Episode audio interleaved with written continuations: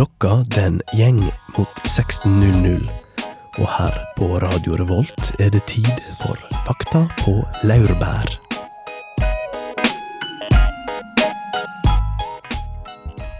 Er du inne i ordtåka, overmannet av språka? Tapt i oversetting, rød av retting. Så hva skjer da? Språk er dagens tema. Og de finnes det flere. Kommunikasjon med kropp og sjel. Kommunikasjon med binær del. Lær deg lingvistikken, språkskikken. Helst før du er fire, og la venstre hjernehalvdel spire. I dag skal vi prate om språk. Og språk i alle deres former her i Fakta på Lærbær. Jeg heter Ragnhild Skaugen, og med meg i studio har jeg Susanna! Sverre. Og Egil! hurra! Dette skal bli kjempegøy. Det første vi skal høre i dag, er Samantha Martin and The Haggard med Fire and Brimstone. Det var første låt ut i ukas Fakta på Laurbær. Og i dag skal vi jo prate om språk, som vi har sagt tidligere. Men vi skal varme litt opp. Og da tenkte jeg vi skal ta noe som er litt enkelt og greit. Og da kan vi starte med hvilket ord og uttrykk vi liker best, og hvilket vi syns er mest kjedelig. Og litt sånn bare leke litt med språket, da. Ja. Nei, Et ord som, som jeg liker ganske godt, er ordet slinser. Slinser? Jeg vet egentlig ikke om det er en R på slutten av det ordet. Det gjør det litt ekstra spennende. Ikke helt vet hvordan det er. Ja. Men det er jo det, altså det da, for eksempel hvis du spiser fenalår, og det er en sånn slins. Er det ikke, Slinser. jeg heter ikke slintrer? Nei. Nei. Slinter. Slint. Jeg pleier i hvert fall å kalle det slinser. Jeg pleier å kalle det slinter. Ja. Ja, nei, slinter. Altså, Ja. det jeg kaller det Du har det funnet er opp ditt eget ord, Susanne. Og det er det fineste ordet. For du har skapt det selv. Ja. Ja. Egil, har du noe favorittord, eller? Ja, bryllup. Oh. Det ligger så flott i munnen. Bare bryllup. Bryllup. Den som man Bryllup, på slutten bryllup. Bryllup. Ja, du kan, du kan ikke gjøre feil. Nei, En ting som skal morsom. sies om bryllup, er at det er veldig fint på nynorsk òg. Brudlaup. Brudlaup. Oh. Det syns jeg egentlig høres litt sånn brutalt ut.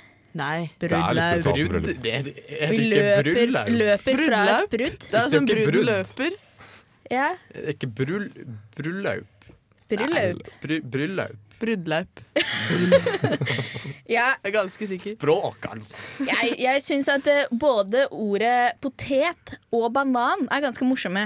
Og er gode ord å ta i munnen, for du, du vet at du på en måte lander trygt. Pot, et, banan. Altså det er samme konsonant før og etter Det er enkeltheten, altså. Det er veldig enkelt og greit. Mm. Og, ja. ja. Jeg har forresten et ord som jeg ikke er sikker på om noen av dere veit, og det ordet er drutt. Drutt. Drutt, ja.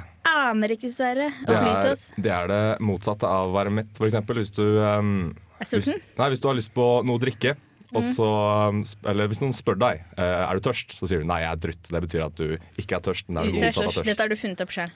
Nei, ikke i det hele tatt. Dette har moren din funnet opp. Mm, Nei, faktisk ikke en stesøster, for å være helt ærlig med deg. Men eh, jeg har valgt å ta ordet i bruk, og er meget stolt over ordet. Det er jo et ord eh, mange har prøvd å finne på. Det er ordet Ja, for å være sant? Drutt. Drutt. Finnes det noe bedre Avledet alternativ? av mett og drept. nei, nei, nei, jeg bare tuller. Ja ja, men eh, det kjedeligste navnet, Kjedeligste ordet. kjedeligste ordet. Passende nok så syns jeg ordet døll er ganske kjedelig. Og Jeg syns det jo er litt dølt. spennende. jeg. Døll? Nei, så hvor tungt Døll. Ok. Mm. Jeg må si det kjedeligste navnet, det er Bård. Ah, det var en sånn parampam. Psh, psj. Og Egil, da, har du noen godbiter eller kjedelige biter? Nei, jeg har ikke noen kjedelige ord. Du syns alt er gøy? Jeg syns alle ord er kjempegøy. Kjempe, kjempegøy. Ja, men Så hyggelig, da. Så bra at vi jobber i radio hvis du syns det er så gøy med ord og språk og sånn. Men vi skulle også nevne et yndlings- og hatespråk. Nå blir det mye Jeg er introvert her, men men først. Ja, OK, kom igjen. Nederlandsk. Er det er stygt? Nei, det, er synes, det er i hvert fall mitt Det er veldig flott. Jeg liker det. Jeg vet ikke om det er stygt, jeg vet ikke om det er pent, men det er så morsomt. For altså, Den minner sånn om engelsk, det minner sånn om spansk og tysk og norsk. Men så er det helt absurd å høre på. Det er Helt helt sykt. Man Er skjønner er jo sånn, ingenting. Men, Man skjønner det jo lett når man leser det. ja, men når de Er snakker nederlandsk, så skjønner jo ingenting. Men alle, alle, altså, alle um, stavelsene på en måte er, er velkjent. Eh, Ja. De, de, ja, bokstavene han bruker, men det er ikke Eller scheis, scheis. Ja, det var min forhold. Kjapt kurs i nederlandsk. Ja. Eh, hva med deg, Sverre? Uh, nei, jeg liker jo Norge ettersom jeg kjenner Nei, norsk, mener jeg selvfølgelig, ettersom jeg snakker språket. Uh, men um, engelsk er egentlig yndlingsspråket, ettersom det er det språket det er lettest å um, formulere seg på. Ja, kanskje synes det. nå jeg. No, jeg syns norsk mangler en del ord, Det gjør det. rett og slett. Ja, på den måten er nynorsk så mye bedre. Fordi de har funnet på ord. Ja, men nynorsk er et mye mer presist språk enn en bokmål. OK, vi kan la den påstanden henge. Susanne? Mitt yndlingsspråk er dansk. Og Jeg- mitt hatespråk er svensk. Jeg er helt enig i at dansk er et knallspråk. Det er kjempefint. Men et annet språk som vi Fakta på Laurbær syns er veldig fint, det er fransk. Oh, ja. Ja, og jeg og Susanna har laget et lite språkkurs til dere der hjemme. Det er delt i to. Og første del, da skal vi litt tilbake i tid. Stemmer det, Susanne? Det skal vi til før Kristus. Før Kristus. Dette blir spennende. La oss kjøre første del av språkkurset.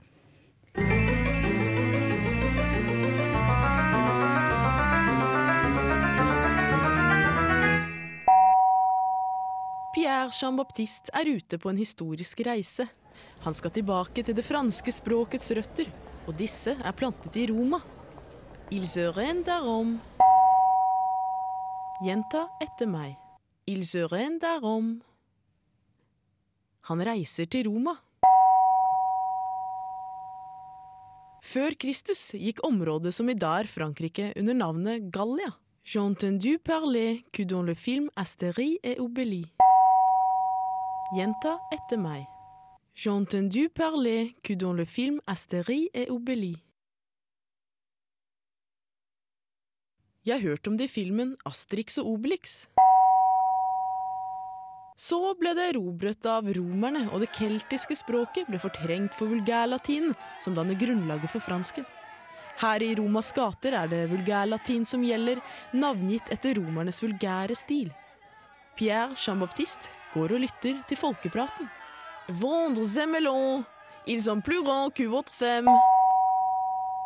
Gjenta etter meg. Vendre ces melons, ils sont plus grands que votre femme. Kjøp disse melonene, de er større enn din kones. Pierre Jean-Baptiste reiser videre til 400-tallet, da frankerne kom til Gallia, altså Frankrike. De tok med seg det germanske språket og tildelte det franske språket en rekke låneord. Deriblant navnet på noen farger. Le fleur sont blanc et bleu. Gjenta etter meg. Le fleur sont blanc et bleu. Blomstene er hvite og blå. Frans den første av Frankrike avskaffet i 1539 latin som juridisk språk. Folket jublet! Og det franske språkets stilling skulle styrkes. Det er jubel i gatene, og Pierre Jean-Baptiste feirer med en croissant. Je voudrais une croissant. Gjenta etter meg. Je voudrais une croissant. Jeg vil gjerne ha en croissant. Det franske språket skal forskjønnes ytterligere. Dubellay utvider og smykker fransken med lånord fra italiensk i sin programskrift Defense en illustration de la langue française'. Gjenta etter meg. Defense en illustration de la langue française'. Til det franske språkets forsvar og forskjønnelse. Pierre Jean-Baptiste vandrer videre til første halvdel av 1600-tallet. Det er oppstandelse i gatene, folket er sinte på myndighetene. Ved hjelp av Det franske akademi har de renset det franske språket for minoritetsspråk og dialekter, til glede for adelen og myndighetene. Folkets språk blir nå regnet som mindre vakkert. Folkemassen vil forsvare språket sitt, og avisbud Gerard Fondue er spesielt sint og roper 'merd'! Gjenta etter meg. Merd! Faen. Pierre Jean-Baptiste tenker for seg selv at spesielt stolte av språket sitt, det er vi jo også i dag. Han reiser hjem til nåtiden og storbyen.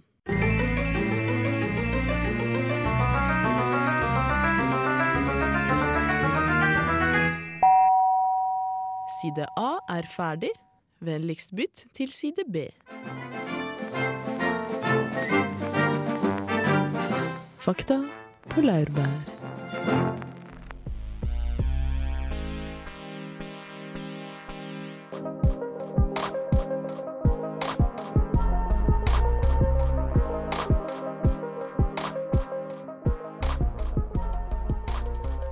Der hørte vi hvordan det franske språket hadde utviklet seg, Ja. helt fra urtiden.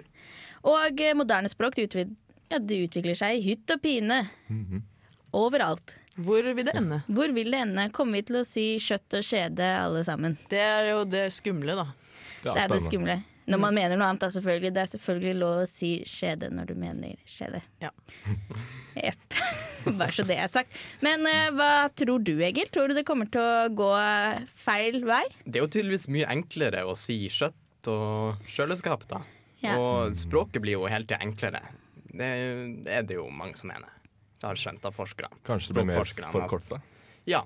Og at uh, altså, måten vi snakker nå, i norsken vi snakker nå, er jo mye betydelig enklere enn måten man snakka for 100 år siden. Ja, vi har jo blitt kvitt mange kasus, i alle fall. Ja. Eneste er jo små rester, som til gards og til fjells. Mm. Til fjells, ja. Men, ja, for Finland, de har mange kasus, de. Og Russland og hele den gjengen der har jo bare fette mange kasus. Når skal de gi seg? Hva tror du? Nei, der, der bruker de jo kasus på en helt annen måte, så jeg tror ikke de gir seg. Jeg tror ikke det er på vei ut. Der. Hva er egentlig kasus? Eh, det Uh, Ja. jeg, det her veit jeg, skjønner du. Uh, kasus kan oversettes som tilfelle. Uh, og I grammatikken er det en morfosyntaktisk kategori som er markert på normen og forteller hvilken funksjon de har i setningen. Og der slutter min kunnskap om kasus. egentlig. Du kan vel si at man bøyer uh, substantivet etter person? Nei, hvordan blir det? Noe sånt? Virkelig dårlig der, altså. Beklager. Du kan bare den fancy versjonen av det? Ja, jeg kan Ja. den setningen der, og der stopper det. Ja, ja, fordi det er ikke verbet man bøyer, det, det er sub, man bøyer substantivet etter. Det har vel noe med objekt og subjekt og sånn også å gjøre. Altså, nei, jeg vet, det er helt crazy. Ja, nei, det Det er, er bra vi ikke har mange av de, si. Det er helt riktig. Fransk har vel et par. Ja. Det skal vi ikke lære noe om i språkkurset, dessverre. Nei. Det må man slå opp, opp selv. Mm. Men eh, noe jeg tror kanskje vi får mer av, er banning. I hvert fall bedre banning. Bedre banning. Folk blir lei av banneordene som f finnes nå, og da blir man kreativ og setter sammen nye ord. Ja. Ja. Vil jeg tro. Hva, hvilket banneord er det du har lyst på, Susanne? Er det noe du føler du ikke klarer å uttrykke med dagens banneord? Nei, jeg har egentlig tenkt litt motsatt. Ja. At jeg tror folk blir, blir lei av å banne etter hvert. Og etter hvert så finner de ikke på noe særlig bra banneord, så tror jeg folk bare slutter å banne. Eller bare holder seg til de man vanligvis bruker. Ja. Jeg er fornøyd med det. Men det er jo, det er jo påfallende hvor, hvor lite variert banninga til søringene er i, i sammenlignet med ja, oss ja. nordlendinger. Men det er virkelig, det er litt stort sett faen. Ja, det stemmer det. Men det som er en fare, er jo på en måte at man får en slags eh, hva skal man si, sånn tredemølleeffekt i på en måte stigmatiserende ord. Skjønte dere det her? Nei. At man fortsetter å løpe. At man fortsetter å løpe. At man, man eh, har et ord som er stigmatiserende, f.eks. invalid. da. Mm. Og så eh, finner man på et nytt ord. Funksjonshemmet. Og så nå er det ikke lov å si funksjonshemmet heller. Så man finner på et nytt ord. Til slutt er alle ord forbudt. Til slutt er alle ord forbudt. Til slutt er alle ord banning. Vi vet ikke hvor dette skal ende. Vil ikke da de ordene som blir forbudt, få mer effekt når man bruker de? Så man går ikke tom for ord så lenge man fortsetter å forby ord? Nei, men alle de forbudte ordene vil jo ha, altså, vil jo ha det samme konnotasjonsfeltet, da, som er stygge ting om en spesiell gruppe. Mm.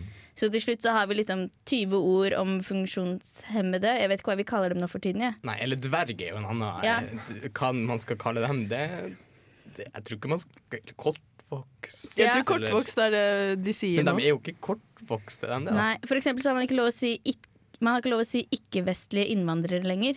Mm. Så man må si innvandrer fra det og det og det og det og det landet. Og det gjør jo ting vanskelig i byråkratiet der, da. Kanskje vi må avskaffe byråkratiet. Ja. Snart er byråkratiet et banneord. Det tror jeg. Kanskje Det er det litt allerede. Ja, det Vi skal høre mer om banneord, for du Sverre har jo satt deg skikkelig inn i dette. Veldig inn. Veldig inn. Det er bra. Forskere er enige om at våre forfedre som levde for 40 000 år siden, hadde språk, men sannsynligvis er menneskespråket enda eldre. Oppreist gange hos mennesker førte til et senket strupehode og dermed et større resonansrom for å uttale vokaler. Men nok om språkets generelle historie. La oss heller fokusere på noe litt mer interessant og spennende, nemlig banning. Ettersom banning er jævlig drittkult, så eksisterer det banneord i alle samfunn, uansett hvor primitivt eller avansert det er. Språkforskere som studerer banning og evolusjon, sier at de ikke aner når banneord gjorde sitt inntog i språket. Men det de vet, er at banning er noe som er universelt i mennesket. Fra tidlig alder av lærer barn at banneord er fy-fy. Denne forståelsen av banning gjør det selvfølgelig interessant å si slike ord, fordi de vet at det skaper reaksjoner. Når barnet blir eldre og bruker opp sin kvote med banning, vil interessen dale, og banneordene vil noenlunde avta i bruk. Et unntak av dette er konservative mennesker som i høy alder fortsatt lar seg sjokkere når mennesker banner i hytt og pine. På 70-tallet i USA var konservativismen tydelig, og det fantes fy-fy-ord som det f.eks. ikke var lov til å si på TV. Standup-komikeren George Carlin tok et oppgjør med noen av disse tabubelagte ordene, som er som følger. Shit, piss, fuck, cunt, cocksucker, motherfucker og tits. Da George delte disse ordene med sitt publikum under et show i 1972, ble han arrestert. Disse ordene var tydeligvis farlige for et samfunn. Selv om banneord ofte ble sett på som en svakhet eller en manglende formuleringsevne hos folk, så har banning sine psykologiske årsaker på et individuelt nivå. En artikkel i Språknytt skriver at vi banner når vi føler avmakt eller manglende kontroll. Når vi blir sinte eller redde, føles det som hjelp å banne. Også når noe gjør vondt, kan et banneord virke lindrende. Du har sikkert sparket borti et stolben eller en dørstokk. Hvis dette er tilfellet, så er du enig i at det er mer tilfredsstillende å skrike ut 'faen i helvete' enn 'huff da'. Det var da ikke så komfortabelt. Jeg må visst passe på hvor jeg går, gitt. Det fine med banning er at det kan brukes i nesten enhver jævla situasjon. Når det gjelder hvor de fleste banneordene kommer fra, så er de nesten alle tatt fra de samme tre områdene, nemlig religion, sex og avføring. Dette fordi banning er knyttet til sosiale restriksjoner som gjenspeiler samfunnets verdier. Hvis vi ser på banneferdighetene her i landet, går førsteplassen suverent til Nord-Norge. Få steder innehar en slik kreativ evne til å være så vulgær og nedlatende med språket de sitter på. Og for ytterligere bevis på dette, hvor ellers i landet er det godkjent å kalle tjenestemenn for hestkuk? Alt i alt så er banning litt som livet. Det har ikke mer verdi enn det skaper selv. Så hvis du er en person som blir litt furt og reagerer med avsky og vantro når du hører noen banne, ta det med ro. Det finnes verre ting enn noen stakkars ord der ute. Og med det sagt, peace fucking out. Fleip eller fakta?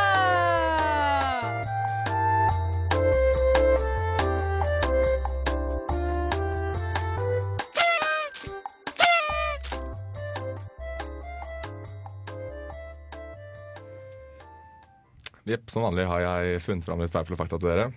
Hurra! Eh, Dere er, alt, dere er klare som alltid? Ja, ja Pepsi, pepsi, pepsi. skal vinne. Mm. Du skal vinne? Oi, altså, vi får se på det, du. Uh, ja, noe mer og noe. Uh, blindespråk var den første digitale skriftformen. Digital? Betyr det prikk eller ikke prikk? Nei. Jeg tror Det er jo binær. Det er Nei, binær. Det er ja, noe av sånne. Ish. Ja, så derfor så tenkte jeg at det kanskje Men det er jo ikke digitalt.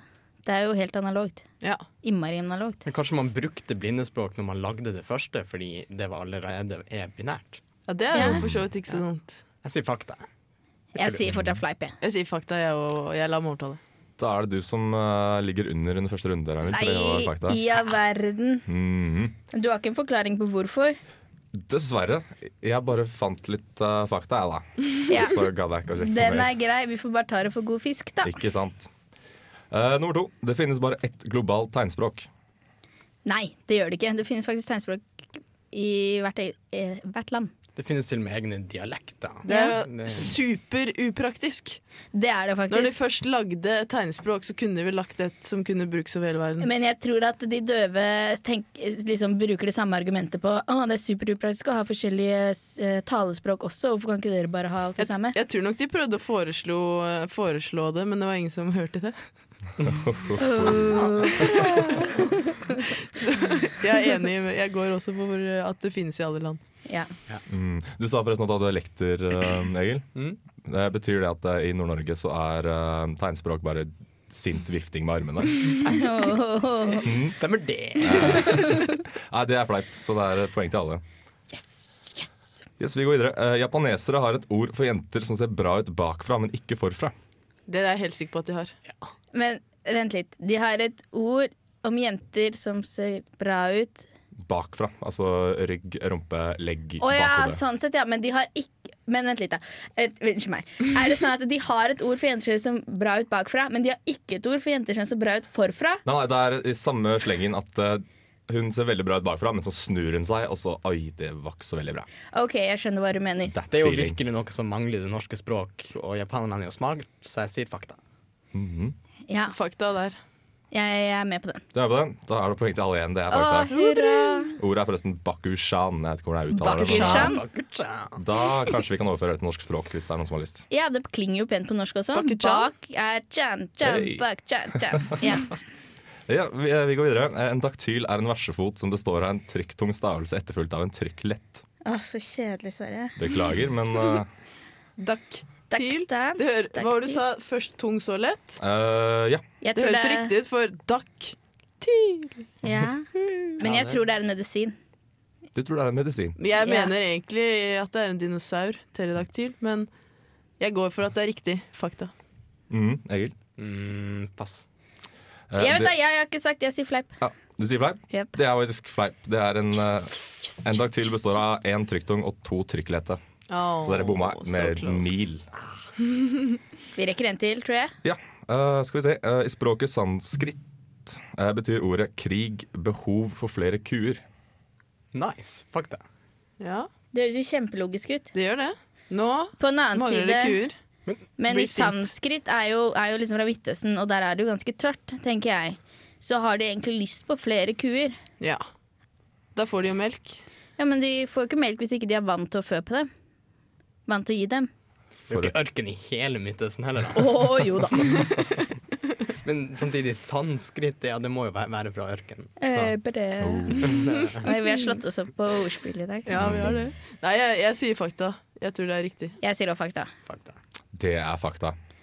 Oi. Gratulerer til den som vant. Jeg har ikke fulgt med på poengene, Jeg tror jeg vant, jeg. Nei, det tror jeg ikke. Jo, det det tror jeg. Nei, ja. Vi eh, får ikke avgjort det, får ingen holdt tellinga, dessverre. Men jeg er ganske sikker. Vi skal høre på Mac DeMarco med I'm a Man.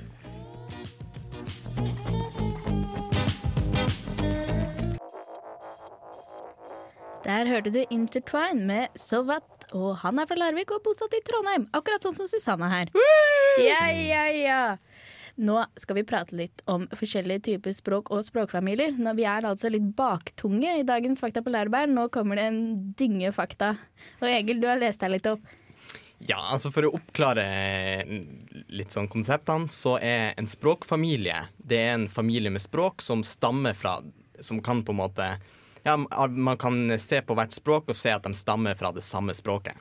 Ja. Så for eksempel de, den indoeuropeiske språkfamilien omfatter de fleste språkene i Europa, og i tillegg til i tillegg russisk og indisk og hindi og ja, eh, de fleste Altså persisk og eh, okay. litt sånn Midtøsten, Europa, Russland, India.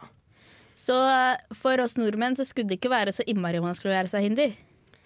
Nei, men, Nei. men vi, er jo, vi er jo forskjellige språkgrupper, da. Vi Ok. og hindi, hindi, selv om vi er samme språkfamilie. Så eh, norsk er jo en del av den germanske språkgruppa.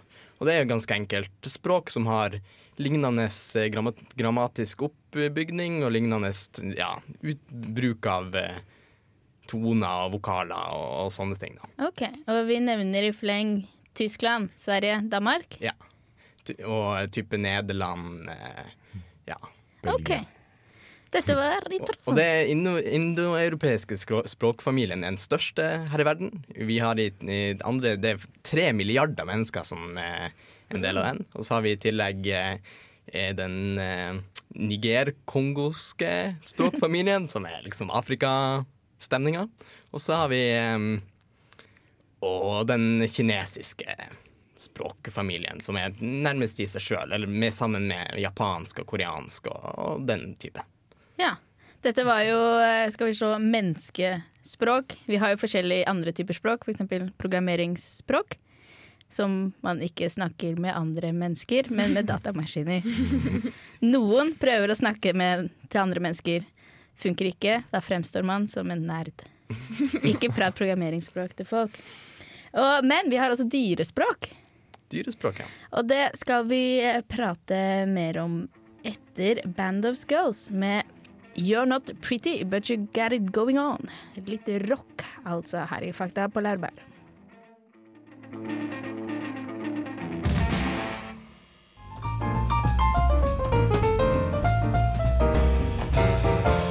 Fakta på laurbær. Der fikk du Band of Skulls med You're Not Pretty, But Bakushan. Hvis jeg Ja. oversatte litt til japansk der. Ja. Nå skal vi prate litt om hvordan dyr prater. Ja. Ja. For det er, jo, det, det er jo ingen tvil om at uh, dyr kan kommunisere. Et av de store spørsmålene eller, diskusjonene er jo er det egentlig språk. Kan man kalle det for språk, den kommunikasjonen dyrene holder på med? Ja, I Valdres Teens, hvis noen har sett på det, så er det jo en gutt som har en hest som sin bestevenn, og han mener jo at de kommuniserer, men det er jo ikke et språk. Mm. Ja, bare en liten illustrasjon der. Man kan Yes. også si fugler som bruker forskjellige lyder for å få eller videreføre forskjellige uh, beskjeder. Det kan også være et språk, det, som de bruker et, eller varierer på lydene de skriker ut.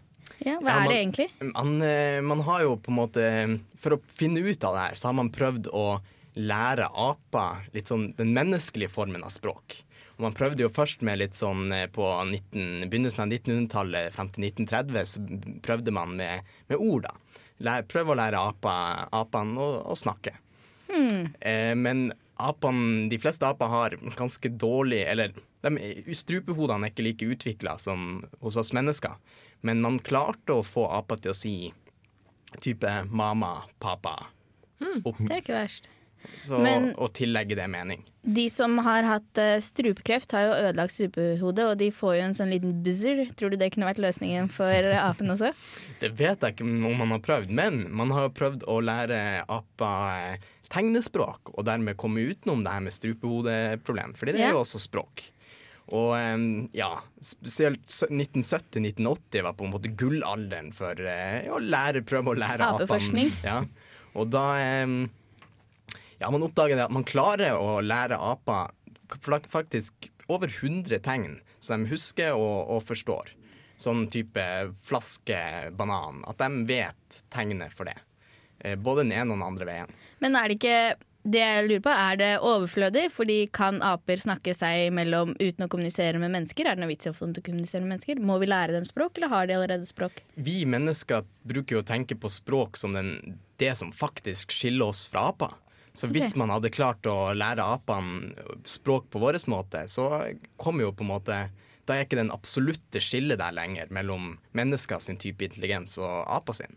Men så var det en eh, ape de faktisk klarte å, eh, som, som vokste opp som en, akkurat som en baby i, i en eh, i en sånn forskningslaboratorie og liksom ble lært opp i tegnespråk hele tida. Og den klarte faktisk å si tre stavelser etter hverandre. Type Ja, den klarte å vise det f.eks. for eksempel når eh, forskeren sa hun 'hund bit slangen', så klarte eh, apa å ta noen dukker og vise at hund biter slangen. Veldig spennende. Vi skal jo lære oss litt mer språk etter hvert, vi også. Ja, det skal vi. Jep. Jamme. Men først skal vi høre på Mathias Stubbe med 'Soon a Brighter Day'.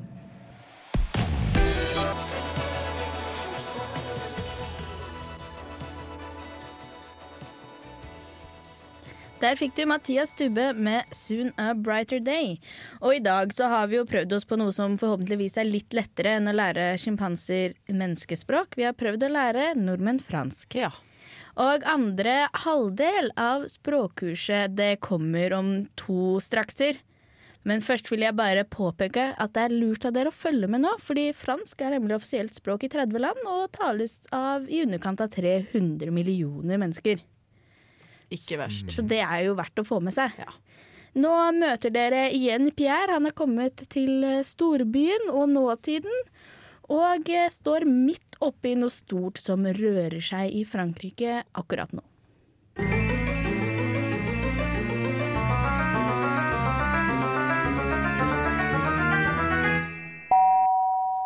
Pierre Jean-Baptiste står midt i Paris søndag 15. april og hører Nicolas Sarkozy tale. Presidentvalgkampen er i gang, og mange har møtt opp for å gi sin støtte til Sarkozys gjenvalg.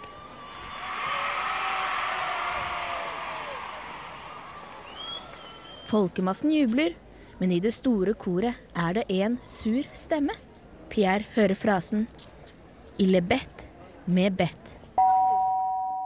Gjenta etter meg. Ille bedt med bedt. Han er teit. Skikkelig teit. Roper de det fordi Sarkozy er lav? Fordi han baksnakker Netanyahu? Eller fordi han ikke ønsker at Tyrkia skal få være med i EU?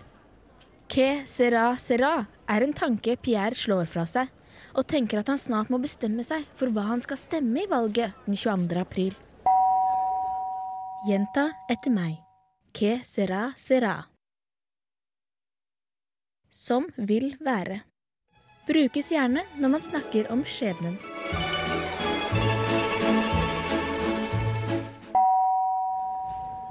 Pierre tenker på hvor heldig han er, som får lov til å leve i et land der han har frihet til å stemme, og alle er like for loven.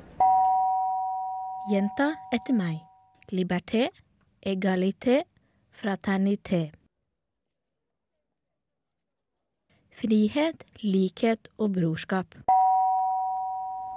For Pierre sin del er det imidlertid for lite brorskap i Sarkozys politikk, og han beveger seg et par kilometer til plassen der Hollande taler. Francois Hollande er presidentkandidat i Parti Sosialist. Gjenta etter meg. Parti Sosialist. Sosialistpartiet. Legg merke til hvordan adjektivet blir plassert bak substantivet. På veien bort hører han vitnesbyrd om de sosiale forskjellene i landet. Han hører en ung mann fortvile til alle som vil lytte. De travail, et pas d'argent. Gjenta etter meg. Chapa de travail, et pas d'argent. Jeg har ingen jobb og ingen penger. Pierre skulle ønske han kunne hjelpe den unge mannen, og han tror den beste måten å gjøre det på, er å gi sin stemme til flere arbeidsplasser. Pierre kommer endelig fram til plassen der Hollande taler, og han hører over høyttaleranlegget. Je vais recruter de 60 000 professeurs. Gjenta etter meg. Je vais recruter de 60 000 professeurs. Jeg vil rekruttere 60 000 lærere. Chouette, tenker Pierre. Gjenta etter meg. Chouette. Supert. Side B er ferdig. Vennligst bytt kassett.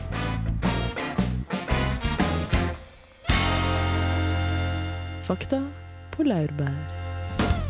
Smoking some more weed. I'ma smoke weed after this take.